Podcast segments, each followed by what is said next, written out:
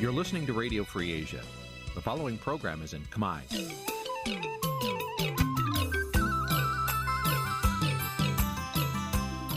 Nǐ chi càm bi tiệp xáy vệt chiu a zì sê ray នេះជាកម្មវិធីផ្សាយរបស់ Vithu Azisari ជាភាសាខ្មែរ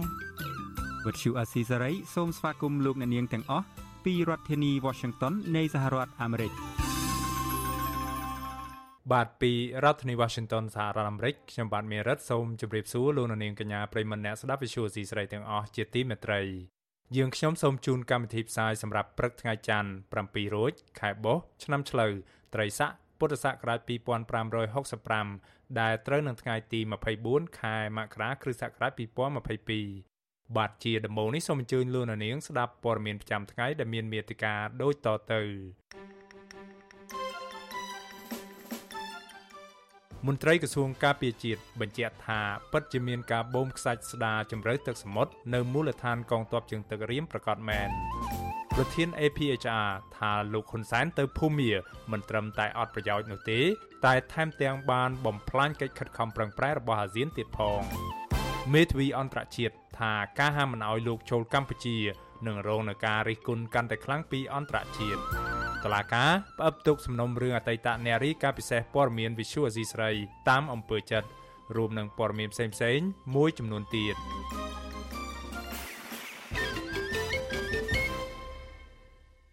បាទជាបន្តទៅទៀតនេះខ្ញុំបាទមេរិតសូមជូនព័ត៌មានទាំងនេះពិស្ដា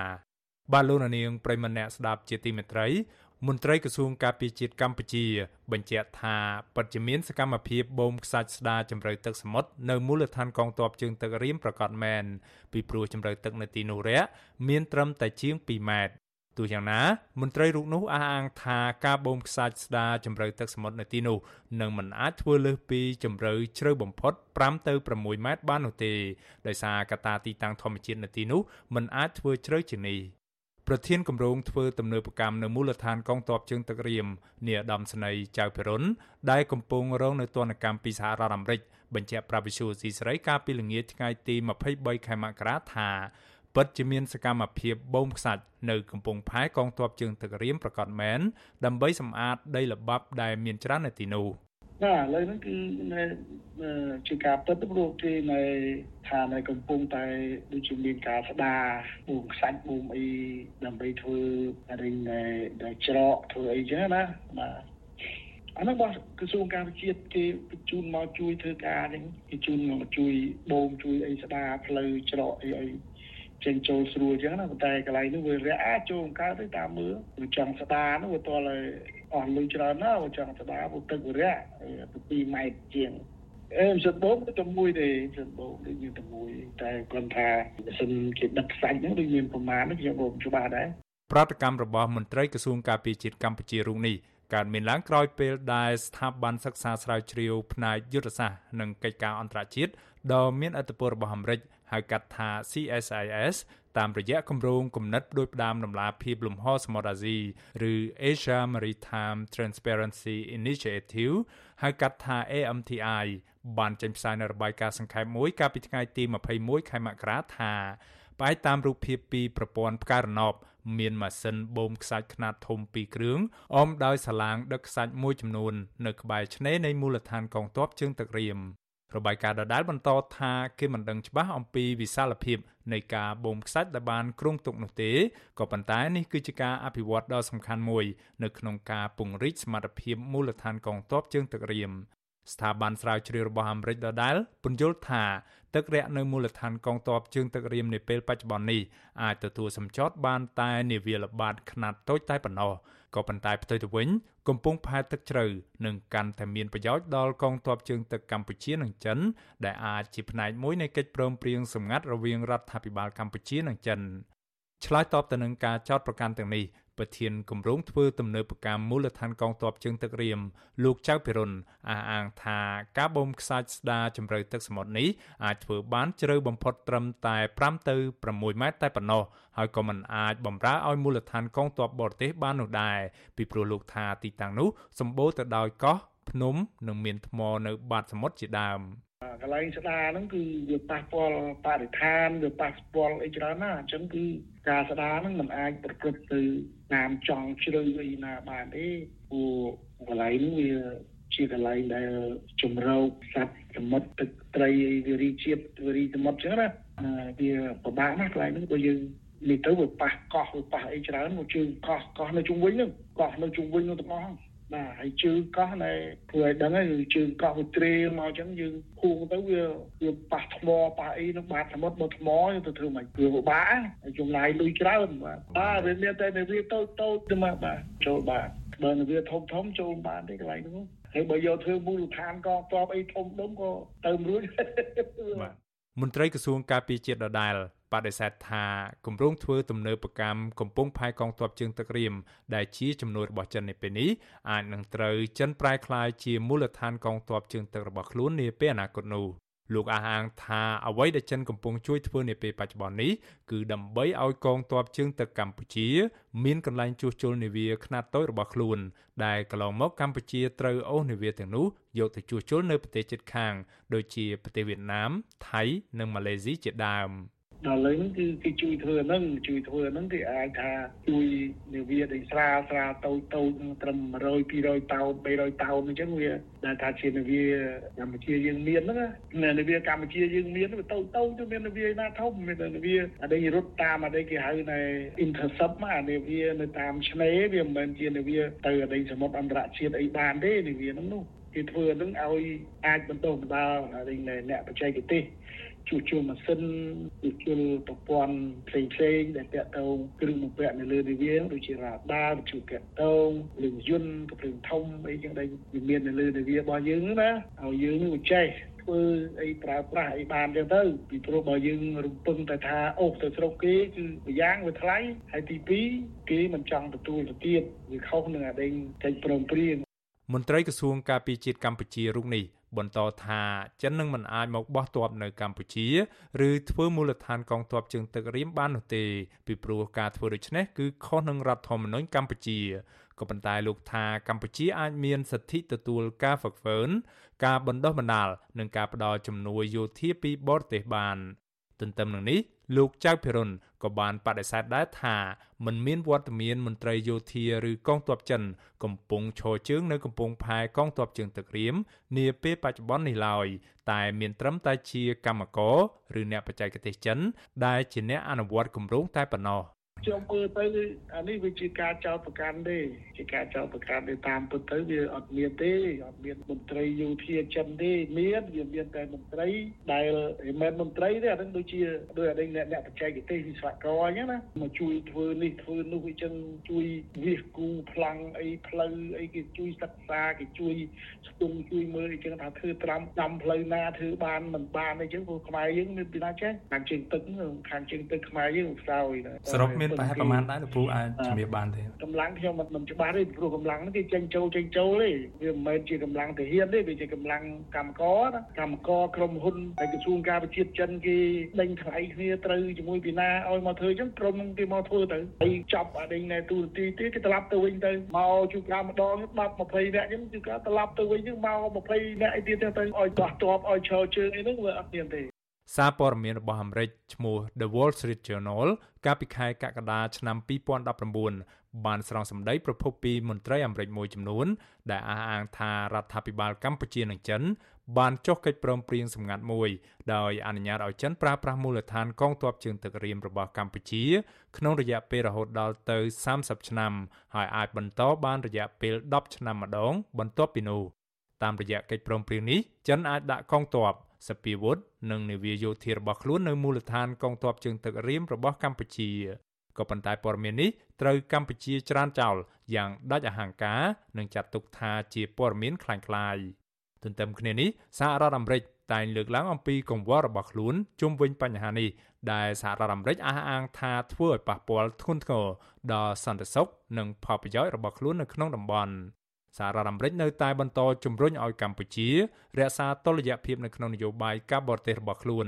និងបង្ហាញដំណាភាពនៅក្នុងរឿងអភិវឌ្ឍកំពង់ផែកងទ័ពជើងទឹករៀមនេះ កាលពីចុងឆ្នាំ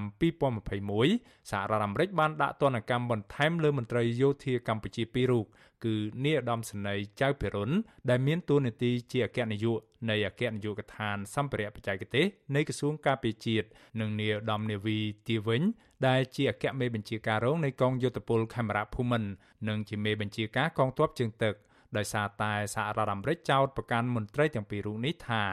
បានជាប់ពាក់ព័ន្ធទៅនឹងការប្រព្រឹត្តអំពើពុករលួយធ្ងន់ធ្ងរនៅក្នុងគម្រោងធ្វើទំនើបកម្មកំពង់ផែកងទ័ពជើងទឹករៀមនេះលើពីនេះទៀតសហរដ្ឋអាមេរិកក៏បានបន្ថែមទណ្ឌកម្មបញ្ឈប់ការលក់ដូរឬរដ្ឋបិទអាវុធផលិតដោយសហរដ្ឋអាមេរិកមកឲ្យកម្ពុជាផងដែរ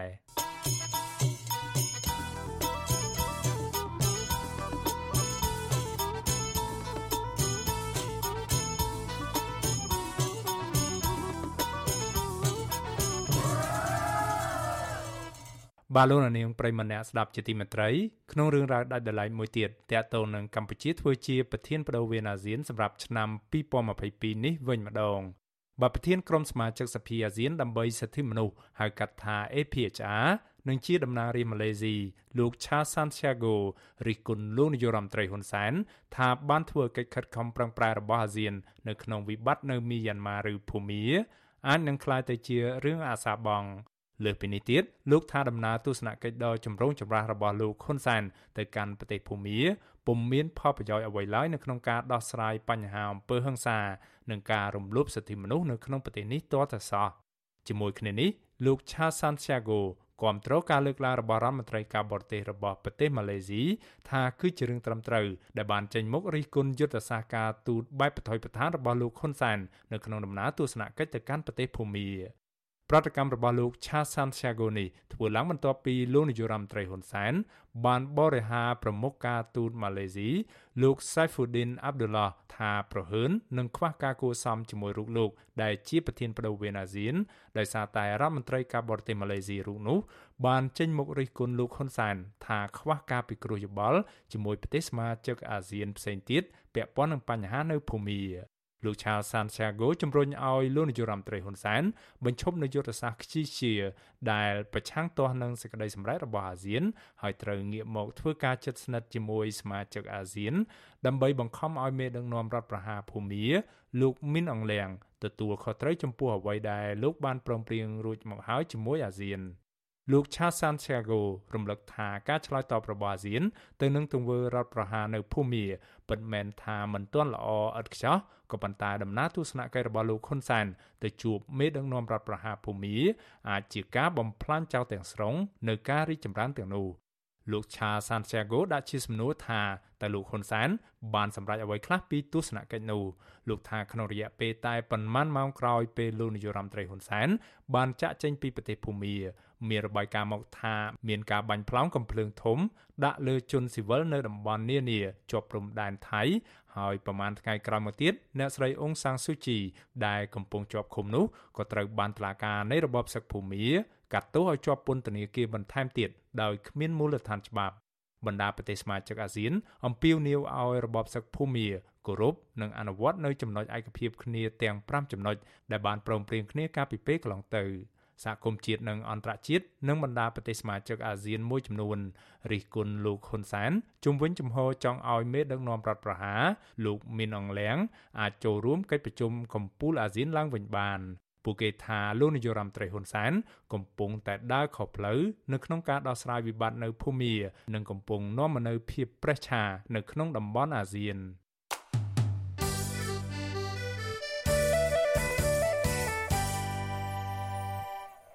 បាទលោកនាងប្រិមម្នាក់ស្ដាប់ជាទីមេត្រីលោកនាងកំពុងស្ដាប់កម្មវិធីផ្សាយរបស់ Visual C ស្រីផ្សាយចេញពីរដ្ឋធានី Washington សហរដ្ឋអាមេរិកបាទជុំវិញរឿងរ៉ាវពាក់ព័ន្ធនឹងមេធាវីអន្តរជាតិជនជាតិអាមេរិកកាំងដែលត្រូវបានរដ្ឋាភិបាលលោកនាយរដ្ឋមន្ត្រីហ៊ុនសែនហាម5មិនឲ្យជន់ទឹកដីកម្ពុជាជារៀងរហូតនោះមេធាវីអន្តរជាតិជនជាតិអាមេរិកកាំងរូបនេះលើកឡើងថាទង្វើបែបនេះធ្វើឲ្យការងារតស៊ូមតិរបស់លោកនៅលើឆាកអន្តរជាតិកាន់តែងាយស្រួល ជាពិសេសនៅពេលដែលលោកនាយរដ្ឋមន្ត្រីហ៊ុនសែននឹងធ្វើដំណើរមកចូលរួមកិច្ចប្រជុំកំពូលអាស៊ានអាមេរិកនៅរដ្ឋធានី Washington សហរដ្ឋអាមេរិកនាពេលខាងមុខនេះបាទសូមអញ្ជើញលោកនាងស្ដាប់សេចក្តីរាយការណ៍របស់លោកមួងណារ៉េតជុំវិញព័ត៌មាននេះមេធាវីអន្តរជាតិជនជាតិអាមេរិក ដែលធ្លាប់ការពារក្តីឲ្យអ្នកទស្សនយោបាយល្បីៗនៅលើឆាកអន្តរជាតិនិងជាមិត្តភ័ក្តិរបស់កញ្ញាសេងធីរីគឺលោក Jared Genser ថាលោកសោកស្ដាយដែលរដ្ឋាភិបាលលោកហ៊ុនសែនហាមលោកមិនឲ្យជន់ទឹកដីកម្ពុជាជារៀងរហូតបែបនេះ។ នៅក្នុងសេចក្តីថ្លែងការណ៍កាលពីថ្ងៃទី20ខែមករាលោក Jared Genser ថាលោកមិនភ្ញាក់ផ្អើលទៅនឹងទង្វើបែបនេះនោះទេព្រោះវាបង្ហាញអំពីភាពភ័យខ្លាចនៃមន្ត្រីរដ្ឋាភិបាលលោកហ៊ុនសែនចំពោះការហ៊ាននិយាយការពិតរិះគន់រដ្ឋាភិបាលនេះមិនថាការរិះគន់នោះចេញពីប្រជាពលរដ្ឋខ្មែរឬក៏ជនបរទេសនោះឡើយលោកចាត់ទុកលោកនាយរដ្ឋមន្ត្រីហ៊ុនសែនថាជាមេដឹកនាំផ្ដាច់ការមួយរូបដែលមិនចេះរៀនសូត្រពីបរាជ័យនៃមេដឹកនាំផ្ដាច់ការឯទៀត នៅក្នុងរឿងធ្វើទុកបុកម្នេញអ្នកហ៊ាននិយាយការពិតហើយយល់ខុសថាការហាមឃាត់មេធាវីសិទ្ធិមនុស្សអន្តរជាតិដោយរូបលោកមិនឲ្យចូលប្រទេសកម្ពុជាជារៀងរហូត ថាជាភាពខ្លាំងរបស់លោកហ៊ុនសែននោះលោកថាតាមពិតនោះគឺជាភាពកំសោយរបស់លោកហ៊ុនសែនទៅវិញទេ យោងតាមទង្វើរំលោភបំពានយ៉ាងចំហរបស់លោកហ៊ុនសែនបែបនេះលោកប្រមានថានៅពេលដែលលោកហ៊ុនសែនធ្វើដំណើរមកចូលរួមកិច្ចប្រជុំកំពូលអាស៊ានអាមេរិកនៅខែកុម្ភៈទាំងលោកអ្នកតស៊ូផ្នែកសិទ្ធិមនុស្សនិងប្រជាធិបតេយ្យឯទៀតនិងប្រព័ន្ធផ្សព្វផ្សាយផងនឹងមានឱកាសរំលេចព័ត៌មានអំពីការពិតនៃចរិតរបស់លោកហ៊ុនសែនដើម្បីឲ្យជនជាតិអាមេរិកនិងសហគមន៍អន្តរជាតិបានដឹងប្រតិកម្មរបស់មេធាវីអន្តរជាតិរូបនេះធ្វើឡើងបន្ទាប់ពីអ្នកនាំពាក្យក្រសួងមហាផ្ទៃលោកខៀវសុភ័ក្រ កាលពីថ្ងៃទី20ខែមករាថាក្រសួងមហាផ្ទៃបានចាត់វិធានការដាក់លោក Jared Genser ទៅក្នុងប្រព័ន្ធមុខសញ្ញាអន្តោប្រវេសន៍នៅគ្រប់បណ្ដាច្រកទ្វារអន្តរជាតិទាំងអស់ដោយហាមចូលកម្ពុជាជារៀងរហូតលោកចោទជនជាតិអាមេរិករូបនេះល្មើសច្បាប់ស្តីពីអន្តោប្រវេសន៍ដោយធ្វើសកម្មភាពខុសពីទឹកធការទេសចរដែលបានស្នើសុំ ព្រោះស្នើសុំថាមកធ្វើទេសចរក៏ប៉ុន្តែតាំងខ្លួនជាមេធាវីអន្តរជាតិមកការពារក្តីឲ្យកញ្ញាសេងធីរីដែលកំពុងតែជាប់ចោតនៅក្នុងរឿងក្តីចំពោះមុខតុលាការកម្ពុជានិងបំពេញដែនយុតាធិការឬក៏ដែនសមត្ថកិច្ចរបស់តុលាការកម្ពុជា ជាពិសេសប៉ះពាល់ដល់ឯករាជ្យភាពរបស់តុលាការដែលលោកថាមិនអាចទទួលយកបានជាដាច់ខាតតាមរយៈព័ត៌មានទាំងអស់គាត់បាននិយាយថាបានតុលាការកម្ពុជាកាត់ទោសឲ្យជនជាប់ចោតរូបនេះមានទោស នោះកម្ពុជាប្រកាសជានឹងទទួលបានអីផ្សេងៗគឺពីការគម្រាមកំហែងមួយក្នុងនាមជាជនជាតិខ្មែរមួយរូបព្រោះទៅលើទឹកដីមួយដែលមានអធិបតេយ្យភាពមានបូរណភាពទឹកដីមានច្បាប់មានទម្លាប់ពីស្ថាប័នគ្រប់គ្រងជារឿងមួយគួរឲ្យជឿចាប់នៅពេលជនបរទេសមករូបភូតស្ថាប័នជាតិមកស្រុកកម្ពុជាហើយធ្វើកិច្ចការងារផ្សេង ឆ្លើយតបទៅនឹងការចោទប្រកាន់ទាំងនេះលោក Jared Genser ថាលោកខៀវសុភ័ក្រចោទប្រកាន់លោកដោយគ្មានមូលដ្ឋានព្រោះទីមួយលោកពិតជាបានទៅលេងស្រុកខ្មែរនៅក្នុងដំណើរទេសចរមែនលោកបានទៅលេងអង្គរវត្តនិងសារមន្ទីរបល័យពូជសាសទួលស្លែងនិងបឹងជើងឯកជាដើមចំណែកឯការចូលរួមនៅក្នុងសវនាការជំរះក្តីកញ្ញាសេងធីរីនោះលោកថាលោកចូលរួមស្ដាប់នៅក្នុងនាមជាមិត្តភ័ក្តិ ព្រោះលោកគ្មានសិទ្ធិការពារក្តីឲ្យកញ្ញាសេងធីរីនៅក្នុងប្រព័ន្ធតុលាការកម្ពុជានោះឡើយជាងនេះទៅទៀតលោកថាលោកមិនដែលបានគម្រាមកំហែងឬក៏ប្រមាថតុលាការកម្ពុជានោះទេលោកគ្រាន់តែនិយាយថាបទចោទនិងសំណុំរឿងប្រឆាំងកញ្ញាសេងធីរីគឺជាការបំពានកាតព្វកិច្ចរបស់កម្ពុជាក្រោមច្បាប់អន្តរជាតិហើយលោកបញ្ជាក់ទៀតថាបើកញ្ញាសេងធីរីត្រូវតុលាការកាត់ឲ្យជាប់ទោសទាំងខុសឆ្គងបែបនេះរដ្ឋាភិបាលលោកហ៊ុនសែននឹងមានបញ្ហាធ្ងន់ លោកថានោះមិនមែនជាការគំរាមកំហែងទេតែជាការសន្យាមួយដែលពួកគាត់នឹងដាក់ឲ្យមន្ត្រីនៃរដ្ឋាភិបាលលោកហ៊ុនសែនទទួលខុសត្រូវចំពោះមុខស្ថាប័នអន្តរជាតិដូចជាក្រុមការងារស្ដីពីការឃុំខ្លួនតាមទំនឹងចិត្តរបស់អង្គការសហប្រជាជាតិជាដើមចំណាត់ការរបស់រដ្ឋាភិបាលលោកហ៊ុនសែននៅក្នុងការធ្វើទុកបុកម្នេញអ្នកតស៊ូមតិដើម្បីសិទ្ធិមនុស្សបែបនេះធ្វើឲ្យមន្ត្រីសិទ្ធិមនុស្សអន្តរជាតិថាជាការរករឿងខុសបែបបទ នាយករងប្រចាំតំបន់អាស៊ីនៃអង្គការឃ្លាំមើលសិទ្ធិមនុស្សអន្តរជាតិ Human Rights Watch លោក Phil Robertson ប្រាប់វិទ្យុអាស៊ីសេរីកាលពីថ្ងៃទី23ខែមករាថាលោកនាយរដ្ឋមន្ត្រីហ៊ុនសែនកំពុងតែលេងល្បែងផ្ដេសផ្ដាសនៅក្នុងការបាញ់អ្នករត់សម្បត្តិព្រោះទៅរករឿងលោក Jared Genser ដែលមិនបានប្រព្រឹត្តខុសអ្វីតតែសោះគឺគ្រាន់តែទៅលេងស្រុកខ្មែរនិងគាំទ្រមិត្តភ័ក្តិរបស់គាត់ លោកថាការពិតគឺនៅត្រង់ថាកញ្ញាសេងធីរីមិនបានប្រព្រឹត្តកំហុសអ្វីទាំងអស់ហើយតុលាការគួរតែទម្លាក់ចោលបទចោទប្រកាន់លើរូបបញ្ញាជាបន្ទាន់និងដោយឥតលក្ខខណ្ឌលោកបន្តថាកញ្ញាសេងធីរីជាប់ចោទដោយគ្រាន់តែគាត់បញ្ចេញទស្សនៈជាសាធារណៈដែលការបញ្ចេញមតិបែបនេះមិនត្រូវចាត់ទុកថាជាបទល្មើសអក្រិតនោះឡើយជំវិញចំណាត់ការរបស់រដ្ឋាភិបាលលោកហ៊ុនសែននៅក្នុងការធ្វើទុកបុកម្នេញមេធាវីអន្តរជាតិបែបនេះ មន្ត្រីសិទ្ធិមនុស្សជាតិថានេះគឺជាការបង្ហាញឲ្យឃើញអំពីការព្រួយបារម្ភរបស់រដ្ឋាភិបាលលោកហ៊ុនសែនចំពោះចំណេះជំនាញផ្នែកគតិយុត្តរបស់ជនបរទេសនៅក្នុងរឿងក្តីកញ្ញាសេងធីរី នាយកប្រតិបត្តិអង្គការសម្ព័ន្ធភាពការពារសិទ្ធិមនុស្សឬហៅកាត់ថាច្រាក់លោករស់សថាថាវត្តមានរបស់មេធាវីអន្តរជាតិដែលចូលរួមតាមដានសវនាការផ្ទាល់បែបនេះអាចធ្វើឲ្យមន្ត្រីតុលាការកម្ពុជាមិនអាចធ្វើអ្វីបានតាមតែចិត្តនឹកឃើញ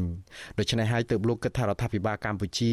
ជ្រើសរើសយកវិធីបិទច្រកមិនឲ្យមេធាវីបរទេសរូបនេះចូលស្រុកខ្មែរបានរហូតអស់មួយជីវិតបែបនេះ ក៏ប៉ុន្តែលោកយល់ថានេះមិនមែនជាភាពឆ្លៀសវៃរបស់រដ្ឋាភិបាលនោះទេព្រោះលោកថានៅពេលដែលរដ្ឋាភិបាលអាចគិតអំពីផលចំណេញរយៈពេលខ្លីគឺអាចគ្រប់គ្រងសភាពការនយោបាយបានខ្លះក៏ប៉ុន្តែចំណាត់ការនេះមិនចំណេញអ្វីដល់ការដោះស្រាយបញ្ហាសម្រាប់រយៈពេលយូរអង្វែងនោះឡើយការដែលមានបញ្ហា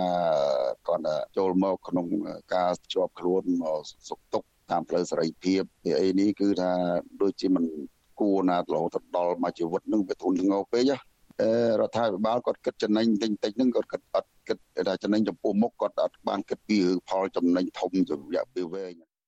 អ្នកខ្លាប់មើលបញ្ហាសង្គមនិងនយោបាយឯនោះវិញលោកមិនភ្ញាក់ផ្អើលឬក៏ចាត់ទុករឿងនេះថាជារឿងអ្វីប្លែកនោះដែរព្រោះមុនមុនតែបរទេសណានិយាយឬក៏ធ្វើសកម្មភាពប៉ះពាល់ដល់ផលប្រយោជន៍និងអំណាចរបស់មេមេកាន់អំណាចពួកគេតែងតែរងការបណ្តេញចេញឬក៏ហាមឃាត់មិនឲ្យចូលប្រទេសកម្ពុជាដូច្នេះដែរ នៅក្នុងចំណោមអ្នករងគ្រោះនៅក្រៅប្រទេសទាំងនោះគឺមានទាំងអ្នកមានដើមកំណើតខ្មែរផងអ្នកវិភាគឯករាជ្យលោកបណ្ឌិតឡាមម៉ុងហៃប្រាប់វិទ្យុអាស៊ីសេរីថាចំណាត់ការបែបនេះធ្វើឲ្យខូចឈ្មោះរបបនយោបាយនិងអ្នកដេញគេចេញឬបិទគេមិនឲ្យចូលប្រទេសនោះទៅវិញ កន្លងមកជនជាតិអេស្ប៉ាញដែលជាសកម្មជនបរិស្ថាននិងធនធានធម្មជាតិលោក Alejandro Gonzalez Davidson ត្រូវបានអាជ្ញាធរបណ្តេញចេញពីកម្ពុជាកាលពីឆ្នាំ2015និងលែងឲ្យចូលកម្ពុជាវិញក្រោយជនបរទេសដែលចេះភាសាខ្មែរស្ទាត់ជំនាញរូបនេះចេញមុខយ៉ាងសកម្មនៅក្នុងកិច្ចការការពារបរិស្ថាននិងធនធានធម្មជាតិនៅតំបន់អរ៉ែងខេត្តកោះកុង។ មួយឆ្នាំក្រោយមកនៅឆ្នាំ2016រដ្ឋាភិបាលលោកហ៊ុនសែនបានដាក់សមាជិកសភាខ្មែរអូស្ត្រាលីលោកហុងលឹមនៅក្នុងបញ្ជីខ្មៅមិនឲ្យជន់ទឹកដីខ្មែរដែរក្រោយលោកហុងលឹមហ៊ាននិយាយរិះគន់រដ្ឋាភិបាលលោកហ៊ុនសែនឥតសំចៃមាត់ជាពិសេសពាក់ព័ន្ធនឹងគិតកម្មលើលោកបណ្ឌិតកែមលីនិងហៅរដ្ឋាភិបាលកម្ពុជាក្រោមការដឹកនាំរបស់លោកហ៊ុនសែនថាជារបបដេរឆាន។ ជំវិញការបិទផ្លូវលែងឲ្យមេធាវីអន្តរជាតិលោក Jared Genser ចូលស្រុកខ្មែរជារៀងរហូតនោះអ្នកជំនាញផ្នែកច្បាប់និងនយោបាយអន្តរជាតិកញ្ញាសេងធីរីថារបបលោកហ៊ុនសែនកំពុងតែភ័យខ្លាចឥទ្ធិពលមេធាវីអន្តរជាតិដែលឃ្លាំមើលសវនាការរឿងក្តីក្តាំរបស់កញ្ញានៅតុលាការទើបដាក់វិធានការរារាំងបែបនេះ។ កញ្ញាថាពេលលោកមេធាវីរូបនោះមានវត្តមាននៅកម្ពុជា លោកជាពួកម៉ាក់ធម្មតារបស់កញ្ញាហើយអ្វីដែលលោកបានថ្លែងសារជាសាធារណៈគឺជាការនិយាយឬក៏ផ្ដល់បទសម្ភាសធម្មតាអត់មានអ្វីខុសឆ្គងតតែសោះខ្ញុំបាទមុងណារ៉េត With you Azisari ប្រធានាទី Washington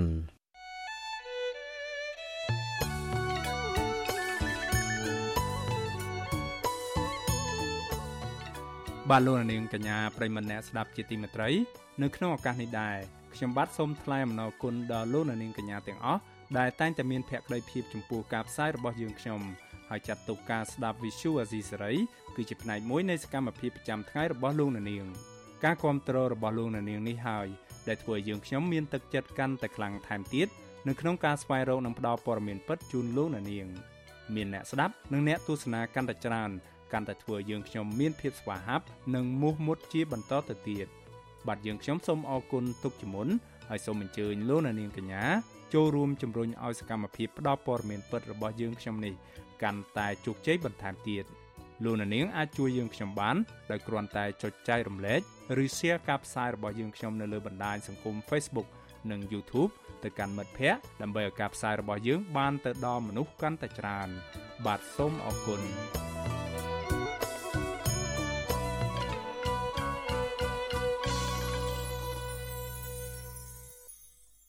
បាទលោកនាងប្រិមម្នាក់ស្ដាប់ជាទីមេត្រីគណៈបកសង្គ្រោះជាតិនៅសហរដ្ឋអាមេរិកកាលពីថ្ងៃទី23ខែមករាបានប្រារព្ធខួប18ឆ្នាំជូនវិញ្ញាណក្ខន្ធប្រធានសហជីពល្បីឈ្មោះគឺលោកជាវិជា ដែលត្រូវបានឃាតករបាញ់សម្លាប់កាលពីឆ្នាំ2004ប្រធានគណៈបកសង្គ្រោះជាតិលោកសំរងស៊ីថ្លែងសារពីប្រទេសបារាំងថាលោកជាវិជា មានវីរភាពនៅក្នុងការទៀមទាផលប្រយោជន៍សម្រាប់កម្មករនិយោជិត ជាពិសេសគឺការទៀមទាការដំឡើងប្រាក់ឈ្នួលគោលរបស់កម្មករលោកសំរងស៊ីបញ្ជាក់ថាគិតកម្មលើលោកជាវិជាជាប់ពាក់ព័ន្ធនឹងអ្នកនយោបាយអ្នកមានអំណាចនិងមានឥទ្ធិពលនៅកម្ពុជាដោយសារតែការនោះលោកជាវិជាបានចេញមុខដឹកនាំកម្មករឲ្យគ្រប់គ្រងគណៈបកប្រឆាំងលោកសំរងស៊ីរំពឹងថានឹងមានពន្លឺយុត្តិធម៌សម្រាប់លោកជាវិជា និងអ្នកដែលត្រូវបានបាញ់សម្លាប់នៅកម្ពុជាហើយមិនទាន់បានយុត្តិធម៌លោកសំរងស៊ីសម្អាងថាតឡាការបារាំងនឹងស៊ើបអង្កេតវែកមុខរោគជនដៃដល់នៅក្នុងរឿងគប់គ្រាប់បែកកាលពីឆ្នាំ1997ដែលនឹងនាំទៅរកពន្លឺយុត្តិធម៌តាក់ទងទៅនឹងសំណុំរឿងលើគិតកម្មសកម្មជននយោបាយនិងសកម្មជនសង្គមផ្សេងៗទៀតដែរយើងក៏មានជំនឿថាអ្នកដែលបាញ់សម្លាប់ប្រជាជាតិគង់ តែត្រូវគេវែកមុខវែកមុខយ៉ាងច្បាស់មិនយូរទេដើម្បីយកទៅប្រតិទិនយ៉ាងតាមច្បាប់ទាំងជើងដៃដល់ទាំងអ្នកទៅក្រោយជើងដៃដល់ក្នុងខ្មែរយើងមានទម្លាប់អាក្រក់ទម្លាប់ហៅថាទីកតភាពទីកតភាពហ្នឹងគឺទម្លាប់អាក្រក់តែអ្នកមានអំណាចសម្រាប់ទីតាមចិត្តខៅតែសាលាការមករកពុកប្រំជាទូឯង លោកសំរាស៊ីបានអះអាងថាតឡាការនៅទីក្រុងប៉ារីកាលពីចុងខែធ្នូបានសម្រេចចោទប្រកាន់មេបញ្ជាការកងអង្គរៈលោកហ៊ុនសែនគឺលោកហ៊ីងប៊ុនហៀងនិងអតីតមេបញ្ជាការរងកងអង្គរៈលោកហ៊ុយពិសិដ្ឋដែលសប្តាហ៍ជារដ្ឋលេខាធិការក្រសួងការពារជាតិពីបទសំគំនិតប៉ុនប៉ងសម្លាប់មនុស្ស លោកសំរងស៊ីបន្តថាអ្នកនៅក្រៅខ្នងនឹងជាអ្នកទទួលខុសត្រូវធំជាងគេ នៃអំពើឃាតកម្មដោយគប់គ្រាប់បែកនោះគឺលោកហ៊ុនសែនមន្ត្រីគណៈបកសង្គ្រោះជាតិមកពីតាមបណ្ដារដ្ឋនានានៅសហរដ្ឋអាមេរិកបាននាំគ្នាជួបជុំគ្នា ធ្វើពិធីតាមបែបព្រះពុទ្ធសាសនា ដើម្បីរំលឹកខួប18ឆ្នាំនៃមរណភាពលោកជាវិជា នៅឯវត្តភ្នំសេរី ក្នុងរដ្ឋ Massachusetts បាឡូណានាងប្រិមនអ្នកស្ដាប់ជាទីមេត្រីងាកមកពិនិត្យមើលសំណុំរឿងតាក់ទងទៅនឹងក្រុមកោតក្រនៃក្រុមហ៊ុន Nagavel វិញម្ដងបាត់ក្រុមកោតក្រលើកឡើងថាអាញាធរកំពុងស្ថិតនៅក្រោមការបង្គាប់បញ្ជា តាមការចង់បានពីភាគីក្រុមហ៊ុន Casino Nagavel ដែលធ្វើឲ្យពួកគាត់រងនៅសម្ពាធស្ទើរតែគ្រប់រូបភាពតាមរយៈការធ្វើទុកបុកម្នេញជាបន្តបន្ទាប់ទើបធ្វើឲ្យមានការពិបាកនៅក្នុងការស្វែងរកដំណោះស្រាយដើម្បីបញ្ចប់វិវាទការងារនេះ មន្ត្រីអង្គការសង្គមស៊ីវិលជំរុញឲ្យរដ្ឋាភិបាលចេញមុខដោះស្រាយបញ្ចប់វិវាទនេះឲ្យបានឆាប់ជាជាងព្យាយាមបកស្រាយការពារផលប្រយោជន៍របស់ក្រុមហ៊ុន និងអ្នកមានលុយនិងមានអំណាច បាទលោកជីវិតារាយការណ៍ព័ត៌មាននេះក្រុមកម្មករ Nagavel លើកឡើងថាអញ្ញាធិបផ្អៀងទៅភាគីក្រុមហ៊ុនដែលមានលុយប៉ុន្តែពួកគាត់នៅតែបន្តធ្វើកោតកម្មរហូតដល់មានដំណោះស្រាយដើម្បីទាមទារយុត្តិធម៌និងឆ្នាំងបាយរបស់ពួកគាត់ បុគ្គលិកធ្វើការផ្នែកចែកបៀអស់រយៈពេល8ឆ្នាំលោកស្រីឈួនសំអានថ្លែងថាកន្លងទៅភាគីក្រុមហ៊ុនមានចេតនាចង់រំលាយសហជីពការពារសិទ្ធិនិងផលប្រយោជន៍របស់ក្រុមកម្មករដែលទទួលរងការរំលោភបំពាននៅកន្លែងការងារលោកស្រីមើលឃើញថាករណីវិវាទនេះក្រុមកម្មកររងសម្ពាធស្ទើរគ្រប់រូបភាពជាពិសេសការចាប់តំណាងសហជីពដាក់ពន្ធនាគារ ដោយសារអាញាធរស្ថិតក្រោមការបង្គាប់បញ្ជារបស់ភាគីក្រុមហ៊ុន Nagavel លោកស្រីថាអាញាធរមិនបានដើរតួនាទីធ្វើជាអាញាកណ្ដាលពិតប្រាកដដើម្បីរកដំណោះស្រាយនិងបញ្ចប់ចំនួនតាមច្បាប់ការងារនោះទេលោកស្រីទាមទារឲ្យក្រុមហ៊ុនចេញមុខដោះស្រាយរឿងនេះជាមួយកម្មករទើបមានដំណោះស្រាយឆាប់រហ័សដោយមិនមែនអាជ្ញាធរនិងក្រសួងការងារចេញមុខជំនួសនោះទេ រាល់ថ្ងៃនេះហាក់បីដូចជាគាត់បំភ្លេចថាមានកូនកូនគាត់មកធ្វើកោតកម្មនៅនឹងមួយក្រុមហើយគាត់ហាក់ដូចជាបំភ្លេចឯងពួកគាត់ឲ្យខាងអាជ្ញាធរខាងក្រសួងការងារចេញមុខមកពាំងជំនួសហ្នឹងអញ្ចឹងបានពួកខ្ញុំមើលឃើញថាបើសិនជាអាចសុំឲ្យសុំស្នើឲ្យបងមកអាជ្ញាធរគឺគាត់នៅឈរចាំចំណុចកណ្ដាលមកចាហើយឲ្យពួកខ្ញុំបានទៅដល់សម្រួលឲ្យពួកខ្ញុំបានទៅដល់ក្រុមហ៊ុនណាកាវលទៅ ចាដើម្បីឲ្យពួកខ្ញុំឆាប់មានដំណោះស្រាយជាមួយគ្នានេះ បុគ្គលិកម្នាក់ទៀតដែលធ្វើការផ្នែកចែកបៀបាន8ឆ្នាំដែរគឺកញ្ញាម៉ែសុធីវឌ្ឍនៈប្រាប់អាស៊ីសេរីនៅថ្ងៃទី23ខែមករាថាក្រុមកោតក្របានចេញតវ៉ាដោយសន្តិវិធី ដើម្បីស្វែងរកដំណោះស្រាយវិវាទការងារនេះអស់រយៈពេល37ថ្ងៃមកហើយដោយមិនឃើញភាគីក្រុមហ៊ុនចេញមុខដោះស្រាយនោះទេ លោកស្រីបន្តថាក្រុមកម្មករដែលចេញធ្វើកោតកម្មពេលនេះភាគច្រើនជាស្ត្រី តែត្រូវបានអាជ្ញាធររំលោភបំពានសិទ្ធិនិងមិនអោយតម្លៃជាពិសេសស្ត្រីមានផ្ទៃពោះដូចជាប្រើពាក្យមាក់ងាយលាបពណ៌ចោតប្រកាន់បិទបន្ទប់ទឹក និងតាមថតរូបពួកគាត់ដល់ផ្ទះដើម្បីគំរាមកំហែងបំបាក់ស្មារតីពួកគាត់មិនឲ្យចេញតវ៉ាកញ្ញាចាត់ទុកទង្វើរបស់អាជ្ញាធរនិងក្រសួងកាងារថាកំពុងការពារថៅកែហើយមិនមែនជាវិធីដើម្បីបញ្ចប់ចំនួននោះឡើយ ថាដូចជាគាត់ការសហការគ្នារវាងអាជ្ញាធរតឡាការហើយនឹងខាងក្រុមហ៊ុន Nagawer នឹងចឹងបងព្រោះដោយសារតាគ្រប់យ៉ាងគាត់តាមជាយីមួយខាងគាត់កហ្មងសុំឲ្យតែទៅដល់កន្លែងផ្ញើម៉ូតូគាត់នៅតាមថតព្រលឹមឡើងពួកខ្ញុំចេញមកគឺគាត់ចេញមកថតពួកខ្ញុំគ្រប់ពេលលំអៀងទៅខាងក្រុមហ៊ុនខ្លាំងបានជារឿងប៉ុណ្ណឹងពួកគាត់អត់ព្យាយាមដោះស្រាយហើយបែរជាខាងអាជ្ញាធរនិងក្រសួងមកបិទបិទមួយកម្មករឯតកាយក្រុមហ៊ុនគាត់នៅធ្វើធម្មតាទៅជុំវិញរឿងនេះ អនុប្រធាននៃអគ្គលេខាធិការដ្ឋានដោះស្រាយកោតកម្មបាតកម្មគ្រប់មុខសញ្ញានៃក្រសួងកាងារលោកអ៊ូរតនាប្រាប់អាស៊ីសេរីដោយខ្លីថាការលើកឡើងរបស់ក្រុមកម្មករជាសិទ្ធិរបស់ពួកគាត់ប៉ុន្តែក្រសួងតែងតែយកចិត្តទុកដាក់និងរងចាំដោះស្រាយជូនពួកគាត់ទោះជាយ៉ាងណា លោកមិនបកស្រាយបន្ថែមទេ ដោយលោករុញឲ្យទៅសួរអ្នកនាំពាក្យក្រសួងវិញ វិទ្យុអាស៊ីសេរីមិនអាចតាក់ទងអ្នកនាំពាក្យក្រសួងកាងារលោកហេងសួរដើម្បីសាកសួរអំពីរឿងនេះបានទេ នៅថ្ងៃទី23ខែមករាដោយទូរស័ព្ទចូលតែពុំមានអ្នកទទួលរីឯប្រធានសហព័ន្ធសហជីពកម្ពុជា លោកស្រីយ៉ាងសុភ័ណ្ឌឲ្យដឹងថាករណីក្រុមកម្មករ Nagawal ចេញទៀមទារោគដំណោះស្រាយគឺជារឿងត្រឹមត្រូវនិងស្របតាមច្បាប់ប៉ុន្តែអ្នកស្រីសោកស្ដាយចំពោះអាញាធរនិងក្រុមហ៊ុន បែរជាសហការគ្នាដាក់សម្ពាធលើកម្មករដោយធ្វើទុកបុកម្នេញបំបាក់ស្មារតីពួកគាត់ជាបន្តបន្ទាប់ក្នុងនោះស្ត្រីភៀកច្រើនត្រូវបានរើសអើងរំលោភបំពានសិទ្ធិដែលផ្ទុយពីគោលការណ៍របស់រដ្ឋាភិបាលអ្នកស្រីស្នើដល់រដ្ឋាភិបាល គួរចេញមុខដោះស្រាយវិវាទនេះជាជាងព្យាយាមបកស្រាយការពារក្រុមហ៊ុន ដែលធ្វើឲ្យពលរដ្ឋមើលឃើញថារដ្ឋាភិបាល ការពារផលប្រយោជន៍ឲ្យក្រុមហ៊ុន ដែលជាអ្នកមានលុយមានអំណាច ហើយធ្វើឲ្យប៉ះពាល់ដល់សិទ្ធិមូលដ្ឋានរបស់កម្មករនិងមុខមាត់របស់រដ្ឋាភិបាលទៀតផងខាងក្រសួងប្រកាសក្តែងក្តែងនៅមុខ បងប្អូនណាកាវដែលកំពុងធ្វើកោតកម្មហ្នឹងថ្នាក់សុំឲ្យចូលតុកចរចាដោះស្រាយតើដោះស្រាយមើលពីណាបើតំណាងមកគេត្រូវបានចាប់ខ្លួនហើយដោះស្រាយមើលពីណាដោះលែងតំណាងគេទៅឲ្យចូលតុកចរចាមកទៅជែកគ្នាមើលបើការទូទាត់ការប្រជុំហ្នឹងអត់ធ្វើត្រូវគិតមិនឲ្យធ្វើត្រូវជែកគ្នាទៅអញ្ចឹងងាកមកមើលមើលណាកាវក្រុមហ៊ុនហ្នឹងវាមិនហេតុអីបានមិនគ្រប់ច្បាប់ហើយកម្មករគ្នាកោតកម្មដោយសន្តិវិធីហ្នឹងមិនបានតែព្យាយាមធ្វើទុកបុកម្នេញគ្នាសពបែបយ៉ាងអញ្ចឹងហើយរដ្ឋាភិបាលមិនក៏នៅស្ងៀមអញ្ចឹងតំណាងរាស្ត្រទាំងអស់ហ្នឹងមិនក៏នាំគ្នានៅស្ងៀមអញ្ចឹងគាត់ថាមានវិធីសាស្ត្រមួយទៀតរកដំណោះស្រាយមើលវេកមកបញ្ហាមើលវាបញ្ហាហើយបានអាចដោះស្រាយបញ្ហាហ្នឹងបាន នៅថ្ងៃអាទិត្យទី23ខែមករានេះក្រុមកម្មករបានបន្តប្រមូលផ្ដុំគ្នាធ្វើកតកម្មដោយអហិង្សាដោយសពដងទោះត្រូវធ្វើក្រមកម្ដៅថ្ងៃហត់នឿយនិងប៉ះពាល់ផ្នែកជីវភាពយ៉ាងណាក្តីក៏ពួកគាត់នៅតែបដិញ្ញាចិត្តតវ៉ារហូតដល់តំណាងកម្មកររបស់ពួកគាត់ត្រូវបានដោះលែងឲ្យមានសេរីភាពវិញនិងគ្មានលក្ខខណ្ឌ និងចូលតុចរចាដោះស្រាយវិវាទការងារនេះ។ជាមួយគ្នានេះក្រុមកម្មការជំរុញឲ្យក្រសួងកាងារបន្តដោះស្រាយបញ្ហានេះដោយឈលលើគោលការណ៍ច្បាប់ និងភាពស្មោះត្រង់ដើម្បីបញ្ចប់វិវាទនេះដោយយុត្តិធម៌ខ្ញុំជីវិតាអាស៊ីសេរីបាទលោកនាងប្រិមម្នាក់ស្ដាប់ជាទីមេត្រីព័ត៌មានតកតងនឹងអ្នកទស្សនយោបាយកំពុងជាប់ឃុំវិញម្ដង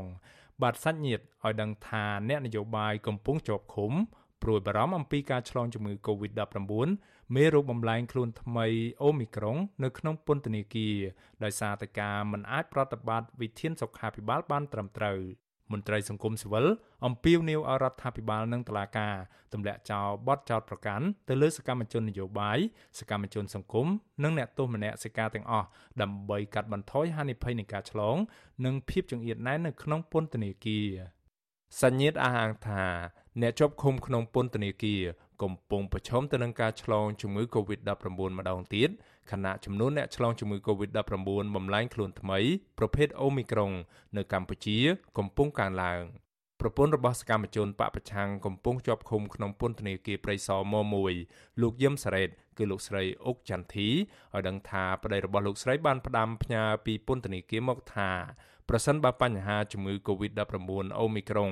ឆ្លងចូលក្នុងពន្ធនាគារមែននោះនោះស្ថានភាពនឹងរឹតតែធ្ងន់ធ្ងរជាងការឆ្លងកាលពីលើកមុនទៅទៀតព្រោះថាមេរោគបំលែងខ្លួនថ្មីនេះមានលទ្ធភាពឆ្លងលឿននិងកាចសាហាវ